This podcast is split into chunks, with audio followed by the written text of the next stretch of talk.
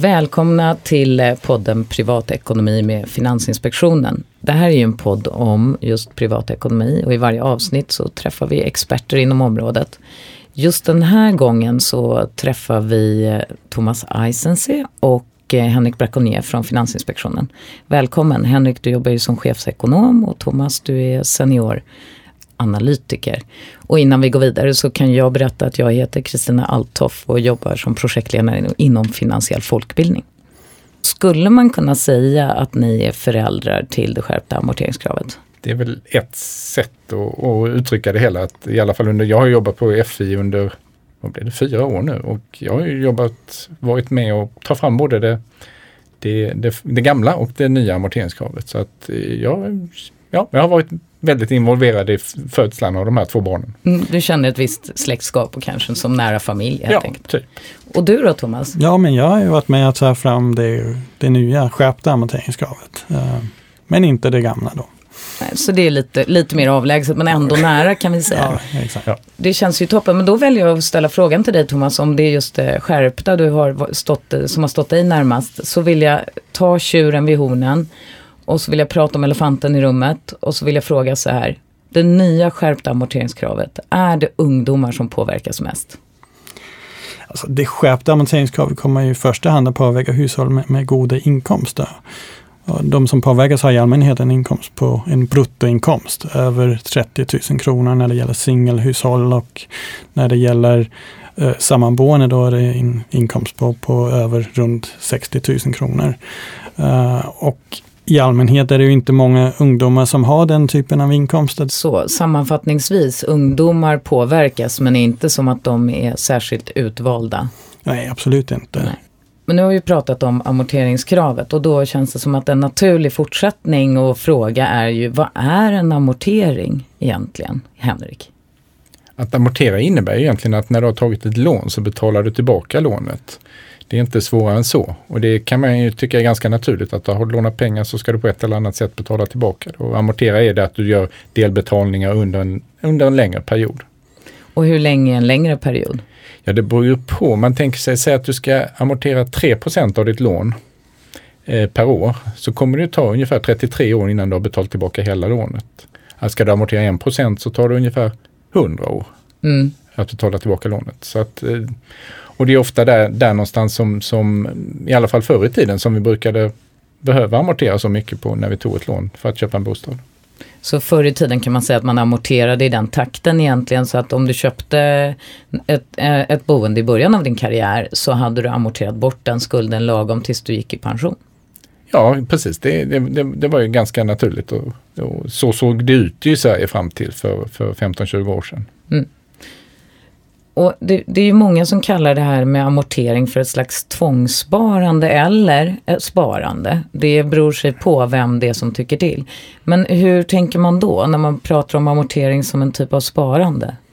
Eh, när du amorterar så innebär det att, att du har betalat tillbaka ditt lån snabbare och på så sätt så, så förbättrar du din finansiella ställning motsvarande amortering. Och då kan man se det som ett sparande. Du, mm. du, du, du, du, betalar av ditt lån och då ser du, din, blir din ekonomiska situation allt bättre och successivt så kommer du också betala mindre räntor för de mindre lån.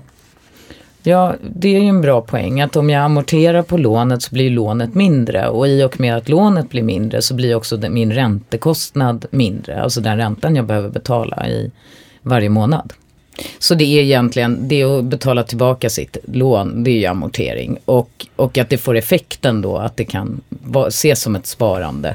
Ja, eh, precis. Och det kan man ju säga, det är lite intressant det du säger för att nu tillhör jag ju en, en, en generation där det var, när jag gick ut och lånade pengar hos banken första gången, mm. då var, det, var man tvungen att amortera.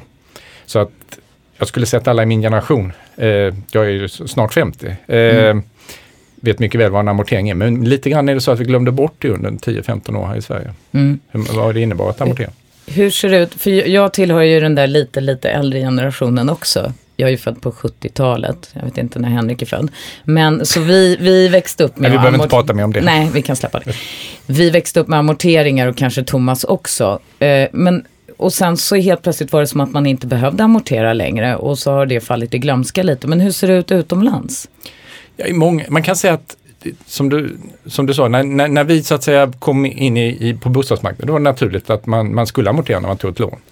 Eh, sen var det under ett antal år där på slutet på 90-talet och 2000-talet som det här luckrades upp. Och det var i Sverige, det skedde i Danmark, det skedde i Norge, det skedde i de anglosaxiska länderna, alltså USA, Storbritannien, Australien och lite så. Tittar man ut över kontinenten i Europa så har man haft kvar den här lite gammaldags amorteringskulturen. Så jag har själv bott i Frankrike ett antal år. Tar du ett bostadslån i Frankrike, ja då ska du amortera det på, på 20 eller 30 år. Punkt slut. Och det är ingenting, det är inte liksom någonting som, som en finansinspektion har reglerat där utan det tycker en, en fransk bank är fullständigt naturligt. Du lånar pengar med, du måste betala tillbaka ett lån. Mm. Nästa fråga. Det låter naturligt när du säger det sådär. Ja, jag, jag är ju uppväxt i Danmark och, och, där var det ju också helt naturligt att, att eh, tillbaka, till, betala tillbaka lånet på, på 30 år. Det var, det var det vanliga fram till 2003. Och sen eh, luckrade de upp för det där och, och man eh, möjliggjorde amorteringsfria lån och det var en stor del av anledningen till att eh, bostadsmarknaden kraschade i, i Danmark mm. eh, 2008. Men jag tycker ändå när ni säger det så, att betala tillbaka sina lån, då känns det ju rätt naturligt. Det är ju svårt mm. för mig att, att säga att det känns konstigt. Men som privatperson kan jag tycka att det är skönt att inte behöva amortera. Men och med det sagt då, eh, det här skärpta amorteringskravet som egentligen är det som ska införas alldeles här i dagarna. Eh, vad innebär det? I grund och botten om vi tittar på, på det, det så att säga gamla amorteringskravet som mm. vi genomförde 2015, 2016 och det här nya som kommer i kraft den 1 mars. Så innebär det att tar du mycket stora lån i förhållande till både din inkomst och till vad bostad, bostaden är värd så måste du amortera 3% av lånets storlek. Mm. Det innebär att du då, om du fortsätter göra det under ett antal år, så på 30 år så betalar du tillbaka ditt lån. Och sen beror det då på, har du då, tar du mindre lån i förhållande till inkomst och, och bostadens värde så så, så säger vi då att man ska amortera mindre än de här 3 procenten. Och tar du då riktigt små lån i förhållande till inkomst och bostadens värde så, så behöver du inte alls amortera. Nej. Men du kan ju ändå amortera och det är ofta en, en ganska bra, ett ganska bra sparande. Nej. Även för de som inte måste göra det. Det var egentligen min nästa fråga var då, man pratar ju om att man inte får välja själv, men jag tänker att någonting får man välja själv, precis som du är inne på. Vill man amortera mera så är det helt okej. Okay. Det är inget vi sätter oss emot. Nej, det är det inte. Och, det, och som sagt, vi säger också att har du liksom amorterat ner så du inte har väldigt stora skulder, då är det upp till dig själv att fatta det beslutet. Vill du hellre använda de pengarna för att ja, resa upp dem mm. eller kanske investera dem i aktiemarknaden, då är det upp till dig. Men du, har du väldigt stora skulder så ser vi det som bäst både för samhället och för individen att man amorterar en del. Mm. Och, eh, samhället säger du, hur kommer det sig egentligen för jag tänker att när, när ni satte er ner och skulle utforma det här, eller bestämde er för redan då 2015, tänker jag att ni började tänka, kanske tidigare, att nu ska vi se till att, att, att det börjar amorteras i Sverige. Varför, varför ska vi göra det? Och, och, och nu när det skärpta amorteringskravet kommer, hur kommer det sig att, att ni har bestämt det? Ja, alltså i, i grund och botten, det är lite det som Thomas var inne på, att vi, vi såg ju under finanskrisen att de länder som drabbades väldigt hårt av den. Danmark var ett exempel, Storbritannien var ett annat. Så hade man ganska många bolånetagare som hade lånat väldigt mycket. Och de här bolånetagarna så kom finanskrisen, de eh, räntorna steg för en del, de, eh, de kanske blev, riskerade att bli arbetslösa. Och då blev många av de här hushållen väldigt rädda, för de var väldigt sårbara. Och då slutade de att handla, de slutade konsumera helt enkelt. Och det skadade hela ekonomin och fördjupade krisen. Mm. Så de här högt skuldsatta hushållen i de här länderna, och det gäller även Spanien, Irland, USA, de blev som ett, ett sänke på hela ekonomin. Mm. Och det är det vi försöker se till att när nästa kris kommer, vi vet ju aldrig när den kommer, men då vill vi gärna att ur samhällets perspektiv så ska vi inte ha allt för många som har jättehöga skulder. Nej. Och då var amorteringar ett smidigt sätt och ett eh, bra sätt även privatekonomiskt att, att, eh, att uppnå en sån, ett sånt läge. Mm. Eh, timingen då? Eh, varför nu? Ja, alltså det, det, det, är alltid svårt när man ska liksom genomföra åtgärder men, men det som vi tycker är viktigt är att det här är en åtgärd som, som är ganska naturlig. Vi återupprättar en gammal kultur, amorteringskultur kan man säga. Och eh, det är bättre att göra det i ett läge när ekonomin går väldigt bra. Vi har ju väldigt låg arbetslöshet, tillväxten är hög. Och då, om det skulle få några små negativa effekter på ekonomin, det vi, det vi bedömer är att det får väldigt små effekter, men om, om det får det så gör inte det så mycket i ett läge när vi har en högkonjunktur. Det är mycket värre att drabbas av en amorteringschock som Danmark gjorde mitt under en brinnande kris. För det var det som hände i Danmark, att då började banken helt plötsligt säga att nu måste ni börja amortera mm. på lånen. Och då kunde hushållen konsumera ännu mindre. Så det är bättre att göra det i en högkonjunktur än en lågkonjunktur. Nu, nu, när det här amorteringskravet redan innan egentligen det har trätt i kraft då som är första mars så mm. ser vi att priserna har påverkats. Det är väl kanske, kan ni säga om det är eh, förväntningarna inför eh, den första mars eller om det är att bostadsmarknaden faktiskt bromsar in? Hur tänker ni kring det? Ja, det är ju väldigt svårt att säga. Alltså, man kan ju börja med att säga att, att eh, våra, våra beräkningar innebär att, att eh, bostadspriserna skulle dämpas till följd av amorteringskravet med med 1,5 procent eh, och den dämpning vi ser nu den är mycket kraftigare. Men eh, vi tror inte att eh, det är mycket psykologi i det här och eh, det är möjligt att, eh, eh att, att det vi aviserade har haft en viss effekt. Men, men vi, stå, vi tror ju Eh, vi tror i första hand att det här handlar om att eh, andra faktorer eh, som till exempel den stora det stora utbudet av nyproducerade lägenheter till exempel som, som har påverkat marknaden. Så, så, lite för att lägga till där, vi, vi har ju liksom levt i en period nu med väldigt snabbt stigande bostadspriser och det är ju lätt för oss som sitter, insiders på den här marknaden som liksom har varit med på den här resan upp och säga att oj vad jobbigt när nu faller priserna lite. Men vi ska ha klart för oss att de som, om vi får ta tillbaka det till vad de unga människorna, de som har missgynnats av vad som har hänt på bostadsmarknaden. Eh, med de väldigt snabbt stigande priserna med dålig tillgång på hyreslägenheter. Det är ju framförallt de unga som aldrig har fått ett fotfäste. Och det är ett mycket större socialt problem än att man liksom påverkas av ett amorteringskrav. För att det, var, det är många unga som varje år har sett att jag, även om jag kan skramla ihop till en insats, så stiger priserna 10-15% varje år. Hur ska jag någonsin kunna köpa en bostad? Speciellt kanske då i storstadsregionerna där många av jobben finns. Mm. Så att många kan faktiskt vinna på att, att bostadspriserna blir lite lägre. Men eh, det finns en tendens bland oss som då är lite mer dominerande i samhället kanske att tänka att det här är jobbigt. Mm. Och därför blir det mycket diskussioner kring middagsborden runt omkring. Yeah. Och man ska ju komma ihåg att bostadspriserna ligger ju på ungefär samma nivå som den gjorde för ett år sedan. Så att, eh, visst, det har varit en, en kraftig dämpning på, på kort tid. Men det, det är ju eh, fortfarande eh, på en väldigt hög nivå som priserna ligger på. Så det ni säger är lite att vi som är lite äldre, vi ojar oss över att våra, de priserna har sänkts lite så vi får ut lite mindre för våra bostäder. Men samtidigt så ojar vi oss att det är svårt att köpa för våra ungdomar. Ja, jo precis. Mm. Ja. och, och för dem kanske det är viktigt att det är kanske viktigare för dem att få ett fotfäste på bostadsmarknaden att du ska få ut ytterligare lite. Ja, det, det, det är jag benägen att hålla med om och sen får ju det stå för mig som privatperson. Men eh, nu har vi kommit fram till att jo men visst, det kanske drabbar unga något. Eller så, så är det faktiskt positivt för unga att, att bostadspriserna går ner eh, som det ser ut nu. Men om det inte är unga det drabbar, eh, då tänker jag då, då kan jag komma på massor med andra människor det skulle kunna drabba och så får vi se vad ni säger.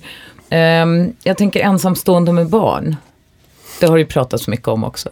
Alltså generellt kan man säga att ensamstående påverkas i större utsträckning än, än eh, en, eh, en sammanboende. Och anledningen till det är ju att det, det finns ju stordriftsfördelar i boende. Man behöver kök och toalett och om man är en eller två vuxna så, så bostadsytan halveras inte bara för att man är en vuxen istället för två vuxna i ett hushåll. Och, och därför kan man, kan man då behöva låna något mer i förhållande till, till inkomsten som ensamstående. Så då, då påverkas man. Men vi, vi ser ju också att, att eh, när det gäller just ensamstående med barn, ja, då, då påverkas de faktiskt i, i mindre utsträckning än, än, än andra. Och anledningen till det är att det ofta är eh, svårare att låna så mycket som fyra och en halv gånger inkomsten eh, när, man, när man är ensamstående med barn. Eh.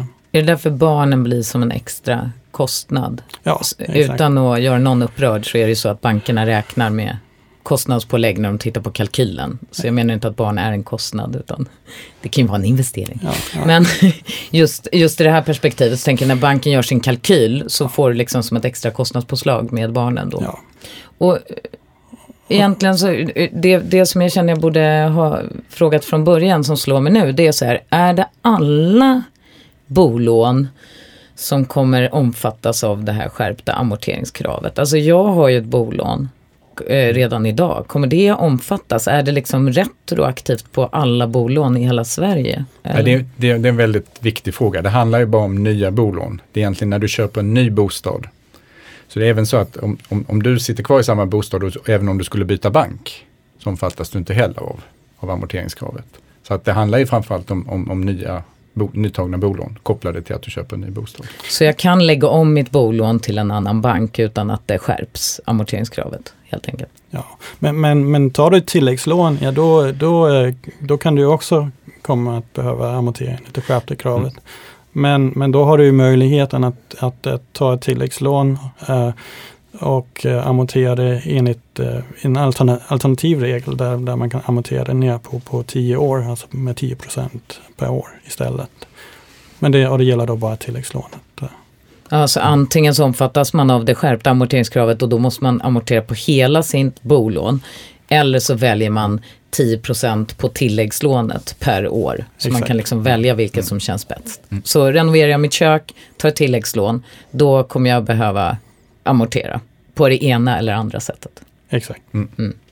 Men som sagt, som sagt, sitter du kvar i din bostad, då kommer du inte omfattas av amorteringskrav. Sen är det ju så, det ska man ju klart för sig att, att en bank kan ju alltid gå till sin kund och säga att ja, men du kommer att behöva, när, när, när vi ska förhandla om villkoren så kommer du att behöva amortera. Det kan banken ha fortfarande den möjligheten att göra det även om inte vårt amorteringskrav gäller det är, ju, det är ju i grund och botten ett kontrakt mellan dig som kund och banken. Och, mm. och banken kan ju då göra en förändrad bedömning när det gäller, gäller din, dina återbetalningsmöjligheter och säga att nej men vi tror nog att du behöver amortera nu. Så att mm. man, det, det, innebär att man kan även tvingas att amortera så att säga även när inte den här regleringen gäller som vi har satt på plats. Och även tänker jag om bostadspriserna går ner så kan man ju tänka sig att bankerna då, precis ja. som i Danmark 2008, vill att man ska amortera mer. Ja. Även om ens levnadsförhållanden är oförändrade. Mm. Och då är det ju inte fel om man redan innan dess har amorterat lite. Istället Nej, gud, jag... amortera i, i ett läge när det är lite tufft för, för ekonomin som helhet. Så att. Jag har sagt det tidigare i de här poddarna, jag är trygghetsnarkoman så jag är helt med dig där Henrik. Jag tror på amorteringar. Hur är det med nyproduktion? Omfattas det på samma sätt som eh, vilka bostäder som helst? Uh, nej, det kan man ju inte säga. Banken har ju en möjlighet att bevilja undantag från amorteringskravet just för nyproducerade bostäder. Uh, och uh, sen är det ju då inte alla banker som tillämpar det. Um, sen måste man ju komma ihåg att, att efter de här fem åren som, som eh, undantaget gäller, ja då måste man ju börja amortera igen. Eh, så att det är ju, det är, då, då ökar ju amorteringskostnaderna för så, så från det att du köper det så är det amorteringsfritt. Om banken går på, på det undantagets linje kan man säga så kan jag, behöver jag inte amortera de första fem åren efter jag köpt bostaden. Exakt. Och sen så undrar jag, så här, men varför får man inte välja själv? Det här med amortering? Varför får jag inte välja själv? Vad, vad som händer är att, att när, när väldigt få amorterar i hela samhället så blir det många som blir väldigt högt skuldsatta. Och den här kostnaderna för att de här högt skuldsatta individerna, som vi såg i Danmark då till exempel, att de slutar konsumera i lågkonjunktur. Det drabbar inte bara dig utan det drabbar alla andra. Du slutar, du slutar eh, handla, jag vet inte, vad det nu handlar för någonting dyrt. Så att när jag, när jag då, när jag inser att jag har jättehöga skulder och så går jag in i en kris och då slutar jag konsumera, då helt plötsligt så blir folk arbetslösa på restaurangen där jag inte går. Och det skapar ett samhällsekonomiskt problem. Mm. Och det är det som vi som myndighet har ett ansvar för att hantera, de samhällsekonomiska problemen som uppstår. Mm. Och då, då gör vi det genom att säga att nej men alla som tar väldigt stora lån som när de köper nya bostäder, de måste också amortera för att minska de här riskerna. Okej, vi har pratat om det här. Så ensamstående, de drabbas ju lite grann. Unga, både och. Och så har vi pratat, det har pratats mycket om pensionärerna också. Hur är det? Kommer de kunna flytta? Kommer de ha råd att göra det med sina pensioner? Alltså just när det gäller det skärpta amorteringskravet så kommer ju pensionärerna, är ju pensionärerna den grupp som, som påverkas minst. Eh, kan, man säga. Eh, det handlar ju typiskt sett om situationer där en pensionär vill flytta till ett mindre boende. Och då kan man ju, de ju ofta sälja deras befintliga bostad med vinst och då behöver de inte låna så mycket till bostaden. Eh, och sen begränsas de ju också ofta i kreditprövningen just efter, eftersom de har ofta lite lägre inkomst. Eh, så, så därför kan de inte låna så mycket som 4,5 gånger inkomsten. Så att, eh, så att pensionärerna är de som, som påverkas minst av det skärpta amorteringskravet. Men det var ju skönt att höra att det finns en sån grupp också. Nej, men jag menar en sån grupp har pratats om att det, det drabbar dem hårt men att egentligen så, så drabbar det dem minst. Helt ja. Ja. ja. man kan säga att de, de pensionärer som då påverkas det är de som har god inkomst. Uh, i första hand. Mm. Men jag kan ju lägga till också att vem är det som de som framförallt påverkas av det skärpta amorteringskravet, det är, ju, det är ju de som bor i storstäderna. För det är ju där bostadspriserna har ökat väldigt kraftigt. Uh, så att, uh, det är ju Göteborg där runt 20 procent av nya bostadsköpare uh, kan komma att påverkas av det. Och, och eh, i, i Stockholm är det runt 30 procent av, av nya bostadsköpare som, som kan komma att påverkas av det. Um, Malmö? Nu och, Ma och Malmö då är det, där det är runt 10 procent mm. som, som kommer påverkas. Då. Jag tänker på det Henrik sa, att det, det är vi som eh, hörs mycket och vi som bor i storstäderna. Och det är väl därför kanske man uppfattar att det är de unga, för att man söker jobb i en storstad så är det svårt att köpa lägenhet där. Om jag tolkar mm. ditt svar rätt då. Sen, sen, sen, ska vi nog inte heller underskatta det helt enkelt att vi också, vi, vi bor och lever alla i Stockholm. Mm. Och i Stockholm blir som Thomas sa, där, där, där är det här liksom höga bostadspriser, mm. att man måste låna mycket. Man har i och för sig relativt höga inkomster men det, det är här som de här kraven kommer att påverka mest och det är därför vi pratar mest om, om bostadspriserna också tror jag i Stockholm. Mm. Så vi har lite liksom en, en Stockholmseffekt. Så ett medskick till alla ute i landet som inte bor i storstadsregioner, ni behöver alltså inte oroa er så mycket, skulle vi kunna säga så? Ja, generellt sett är det så att, mm. att eh, de som bor i övriga landet de, de påverkas i väldigt liten utsträckning av det skärpta amorteringskravet. Men Henrik och Thomas, tack för att ni har kommit hit och svarat på alla mina frågor om amorteringskravet, både det gamla och det nya som kommer första mars. Jag har några frågor till er nu som vi ställer till alla som är med i den här podden och jag tänker vi börjar med dig Thomas. Vad är din sämsta investering som du någonsin har gjort? Ja, min sämsta investering det var kanske en, en uh, aktie som jag köpte i ett techbolag som uh, gick väldigt bra ett tag. Men sen var det ett stort amerikanskt techbolag som, som uh, lanserade en, en konkurrerande produkt och då följer ju, föll ju aktien som en sten. Och du satt kvar och tänkte, det, det vänder? Eller? Ja, jag sitter faktiskt kvar i den. Men, men, fortfarande? Den, den, följer, ja, det, det, jag, jag hoppas jag fortfarande. Jag förstår. Det, vi har några andra poddar som du kanske kan lyssna på. En som handlar om investeringar och en som handlar om sparande. Ja, det tror jag är bra Thomas. Och din bästa investering då? Ja, min bästa investering måste väl ändå vara min, min eh, utbildning, framförallt min forskarutbildning som, som har gett mig möjlighet att jobba med många roliga och intressanta frågor. Uh, och tillsammans med väldigt kompetenta och intressanta personer. Så att, uh, det är absolut min, min, min utbildning tror jag. Det är bäst du tar åt dig där Henrik, tänker jag. Ja. ja. Eh, och, då, ja, och då frågar jag, vad är din bästa investering? Min bästa investering? Jag var ju lite inne på det här du sa att barn inte bara är kostnader. Det är klart att det är, någon mening är ju barnen ens bästa investering. Men det, det, om, vi, om vi snävar av det lite till ekonomi med så skulle jag nog säga att jag råkade, för jag ska verkligen, verkligen säga råkade, köpa bostad under 90-talskrisen. Precis på toppen av 90-talskrisen när bostadsmarknaden var nästan stendöd. Det visar sig vara en väldigt bra investering. Men det visar också på, tycker jag, lite det, liksom, det godtycke som mm. finns här. att Just eftersom jag, det var inte för att jag gjorde, jag var den där briljanta ekonomen trots att jag, precis som Thomas har läst en massa ekonomi. Mm. Utan det handlade om att jag råkade då vara i en familjesituation när vi skulle köpa en lägenhet. Och då mm. råkade vara vid ett tillfälle sen när resan bara gick uppåt, uppåt, uppåt, uppåt. Så att det har varit min bästa investering. Mm. Av tur, mest. Och det var i Stockholm tänker jag du köpte den där bostaden? Nej, det var faktiskt i Lund. Då. Ah, okay. Men mm. det har gått ganska bra för bostadspriserna i Lund också mm. kan man säga. Och sämsta investering då? Ja, det finns många exempel höll jag på att säga. Men, men jag skulle nog säga ett, en, en sån där som fortfarande kan liksom klia lite. Det är väl när jag köpte en jättesnygg skräddarsydd safarikostym i Indien. Den funkade inte så bra när jag flyttade tillbaka till Sverige. Kan man väl säga. Nu ser ju du hur jag ser ut men inte ni som lyssnar. Jag ser ut som att jag är jätteförvånad. Men det är intressant därför att du är den andra som har köpt en dålig kostym som sämsta investering. Och då måste jag ändå ställa frågan, när det känns som en sämsta investering, en kostym, då har ändå ditt liv varit ganska bra mot dig.